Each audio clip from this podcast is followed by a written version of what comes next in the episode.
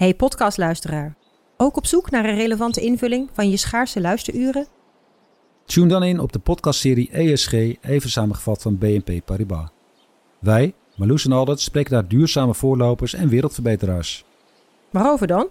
Nou, bijvoorbeeld of we ooit duurzaam kunnen gaan vliegen. En waarom koeien in de stad nou een goed idee is? Dat en meer elke twee weken in een nieuwe aflevering. Dus abonneer je. ESG, even samengevat. Ik ben al jaren ondernemer, maar waar moet ik eigenlijk allemaal aan denken nu ik voor het eerst personeel wil aannemen, voor het eerst ga importeren of voor het eerst een bedrijfslocatie zoek? Weet wat je wel of niet moet doen bij zaken die je voor het eerst oppakt. Check kvk.nl voor praktische stappenplannen. KVK, hou vast voor ondernemers.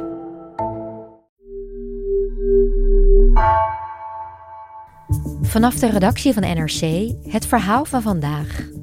Mijn naam is Gabriella Ader.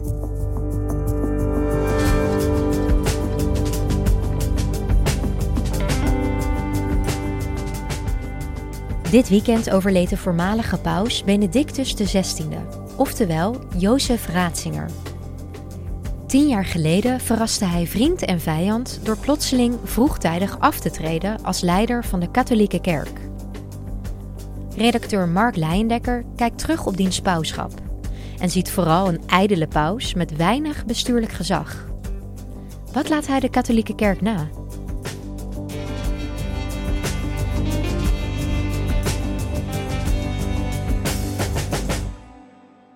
11 februari 2013. Het was een, een druilerige maandag. Ik was in Pompeii om daar een verhaal te maken over een net gerestaureerd theater. En ik loop daar over die Romeinse grote blokken stenen. En ineens gaat de telefoon, de krant, belt. Tegen half twaalf was dat. En die zeiden, Mark, Mark, Mark, de, de pauze is afgetreden. Ik dacht, dat pauze is afgetreden. Daar heeft iemand een grapje uitgehaald of zo. Ik dacht, nou, even checken hoor. En nou ja, dat heb je dan vrij snel in de gaten dat de paus echt heeft gezegd dat hij gaat aftreden.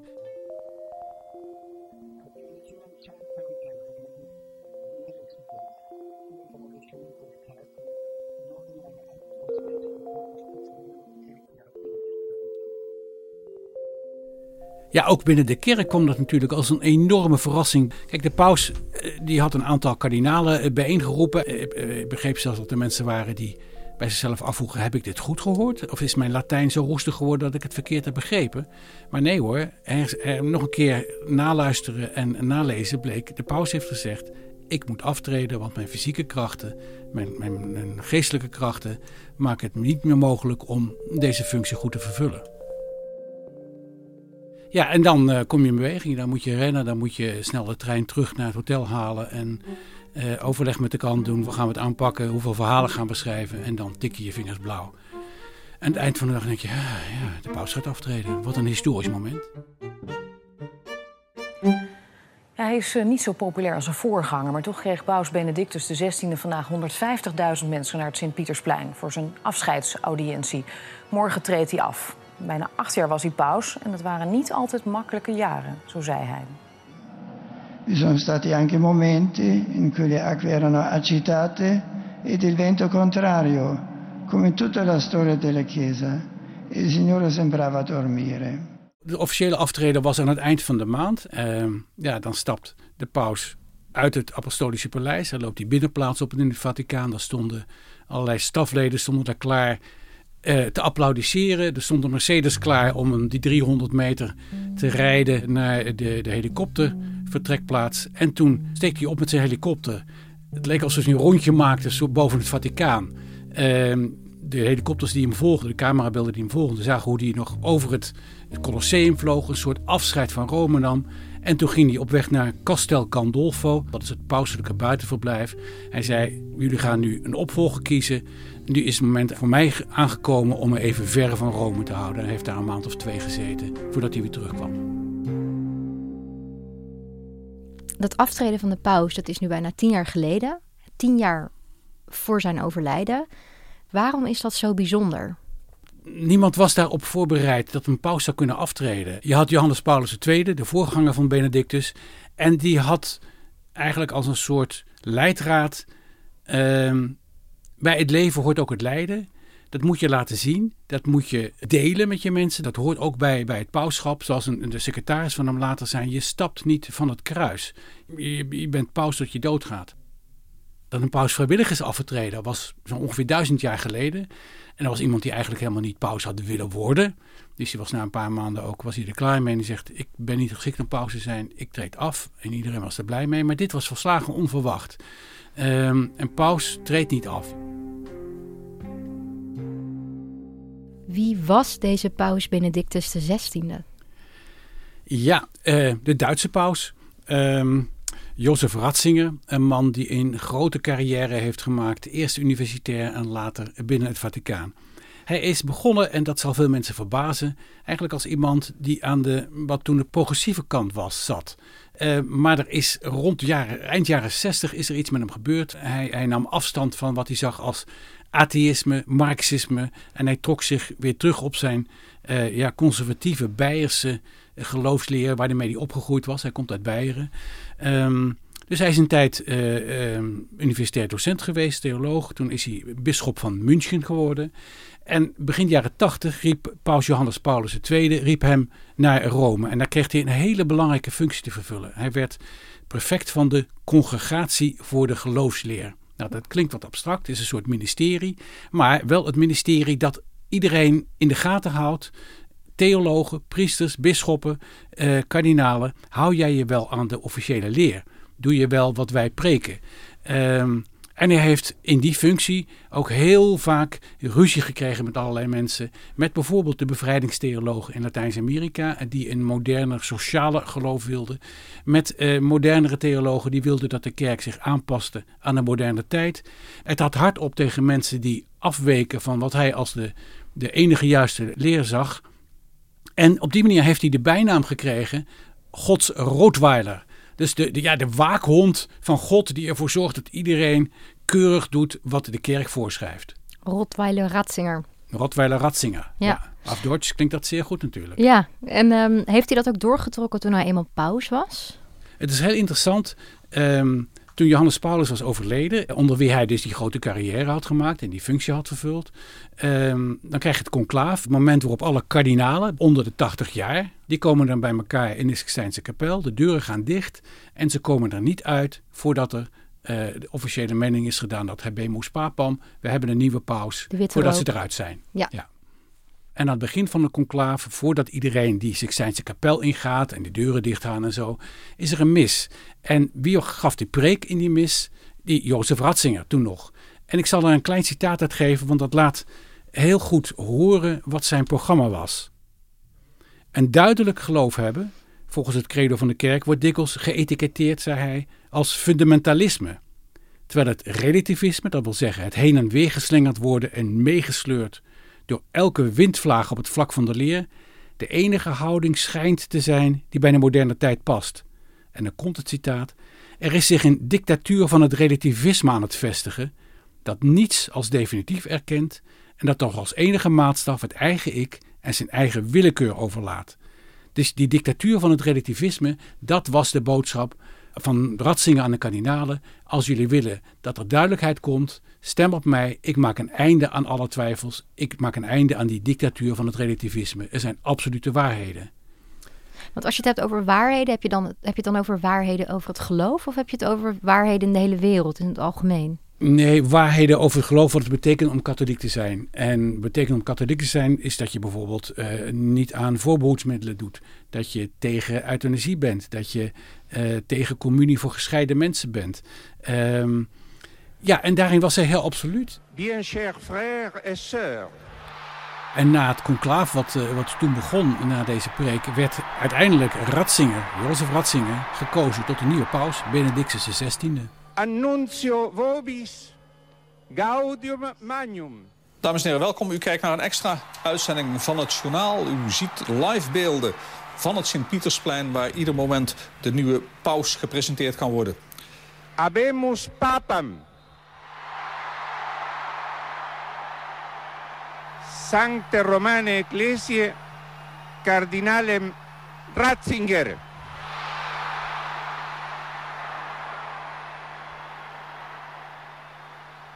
En vervolgens, als paus, Wat, wat deed hij? Wat was hij voor paus? Ja, dit was echt een heel conservatieve paus. Iemand die eigenlijk geen enkele stap heeft gezet om de, om de kerk bij de, bij de modernere tijd te brengen. Wat voorbeelden. In 2009 vloog hij naar Cameroen, Afrika. Uh, en in het vliegtuig op weg naar naartoe zei hij: condooms die maken de, het risico op de HIV-besmetting eigenlijk alleen maar groter. Uh, er was een aantal bisschoppen die aan de ultraconservatieve kant zaten. Uh, eentje van hen was zelfs een holocaust-ontkenner. Die waren uit de kerk gezet. En uh, Benedictus heeft hen weer teruggehaald. Um, op het gebied van abortus, op het gebied van uh, de positie van de vrouw. Geen strobeet heeft hij geweken van de officiële lier van de kerk. Um, hij wilde behouden wat er was en was, stond niet open voor discussie over wat er zou kunnen veranderen. Dat zie je bijvoorbeeld ook in zijn kleding. Ik weet nog, alle Vaticaankenners die waren toch eventjes verbaasd toen hij met, met kledingstukken tevoorschijn kwam. Die eigenlijk decennia, soms eeuwen niet meer gezien hadden. Ratzinger hield van de pracht en praal bij, eh, bij, het, uh, bij het pauschap. Bijvoorbeeld zijn zijn rode schoenen, daar is hij ook bekend om geworden. Rode schoenen die verwijzen naar het bloed van de, van de martelaar, naar het bloed van Christus. Heel veel pausen voor hem hebben daar nauwelijks aandacht aan, geschonken. Ratzinger had prachtige rode schoenen voor hem op maat gemaakt door een kleermaker uit het noorden van Italië. En daar genoot hij van. Het was een, een, een een, ja, een conservatieve beleving van het geloof. Waar heel veel andere mensen zich absoluut niet in herkenden. Ja, wel celibatair, maar wel met rode schoenen aan dan. Zeker, zeker. En wat kenmerkte zijn pauschap verder nog? Kan je je één ding van hem herinneren? Mm. Waarschijnlijk niet. En dat, dat kenmerkt hem. Johannes Paulus II, daar hebben we allemaal beelden van. Een man met wapperende pauskleding in de wind, die de grond kust als hij ergens aankomt, die op de een of andere manier de media bespeelt, die mensen aan zich bindt door de manier waarop hij optreedt. Eh, Benedictus had niets van dit alles. Die had nog moeite om zijn arm op te tillen om naar mensen te zwaaien. Um, dus als zielenherder, om, om even in de kerkelijke uh, terminologie te blijven, als zielenherder was hij gewoon helemaal niet zichtbaar. En ja, hoe was hij als bestuurder? Hij is toch de leider van de katholieke kerk. Hoe deed hij dat?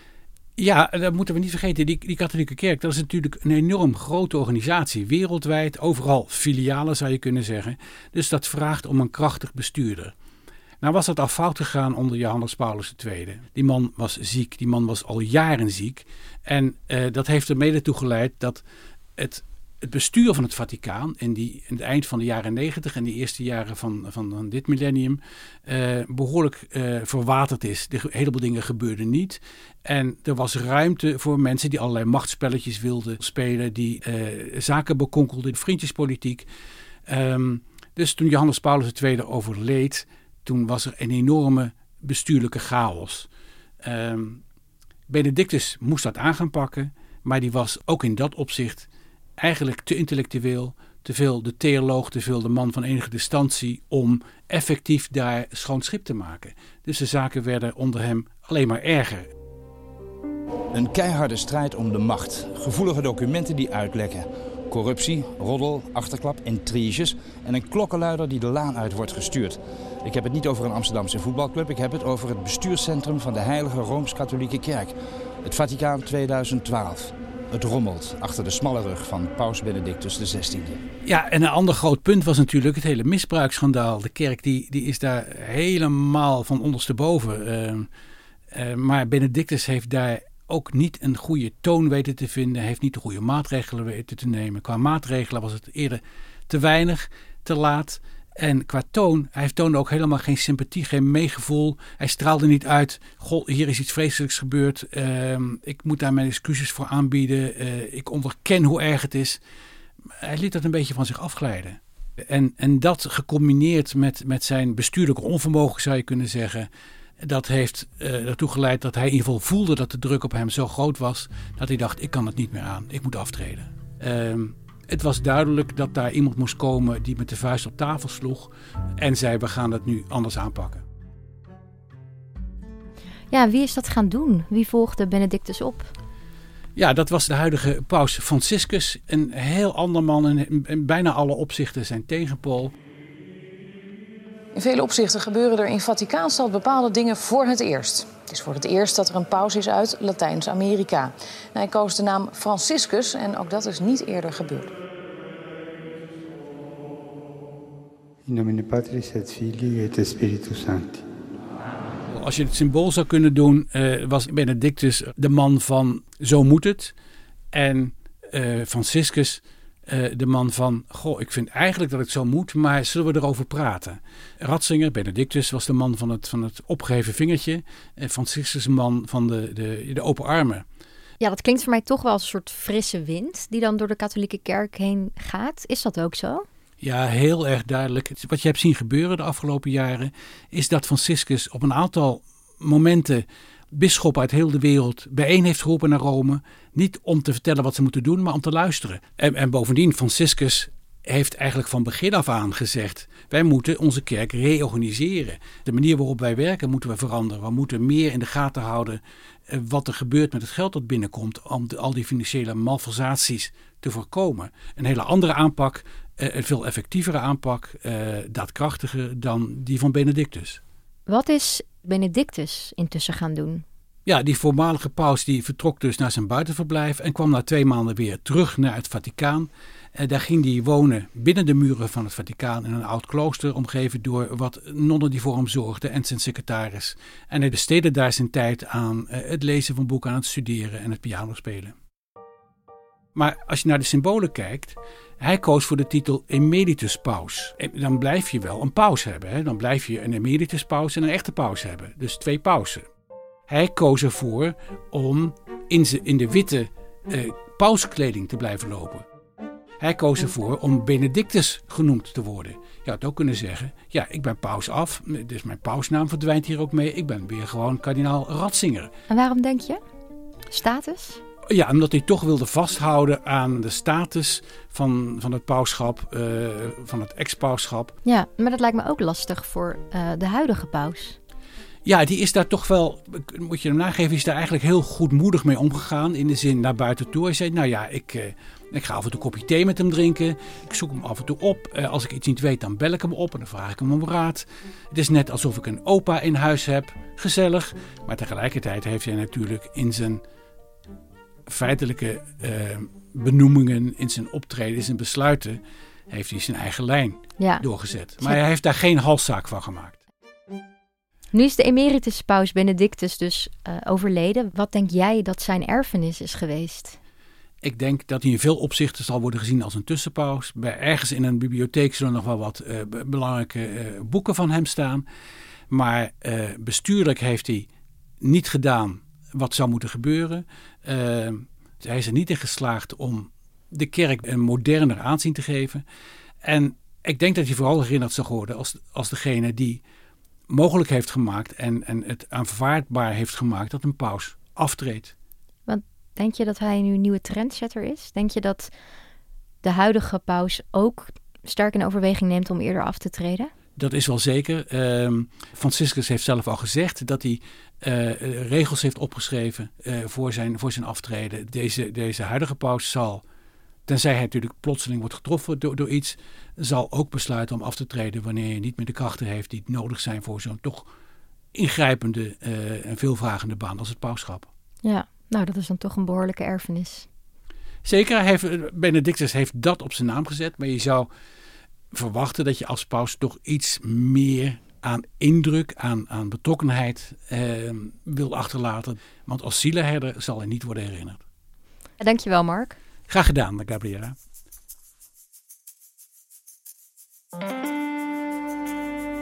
Je luisterde naar vandaag, een podcast van NRC. Eén verhaal, elke dag. Deze aflevering werd gemaakt door Ignaas Schoot, Nina van Hattem en Stef Visjager. Dit was vandaag, morgen weer.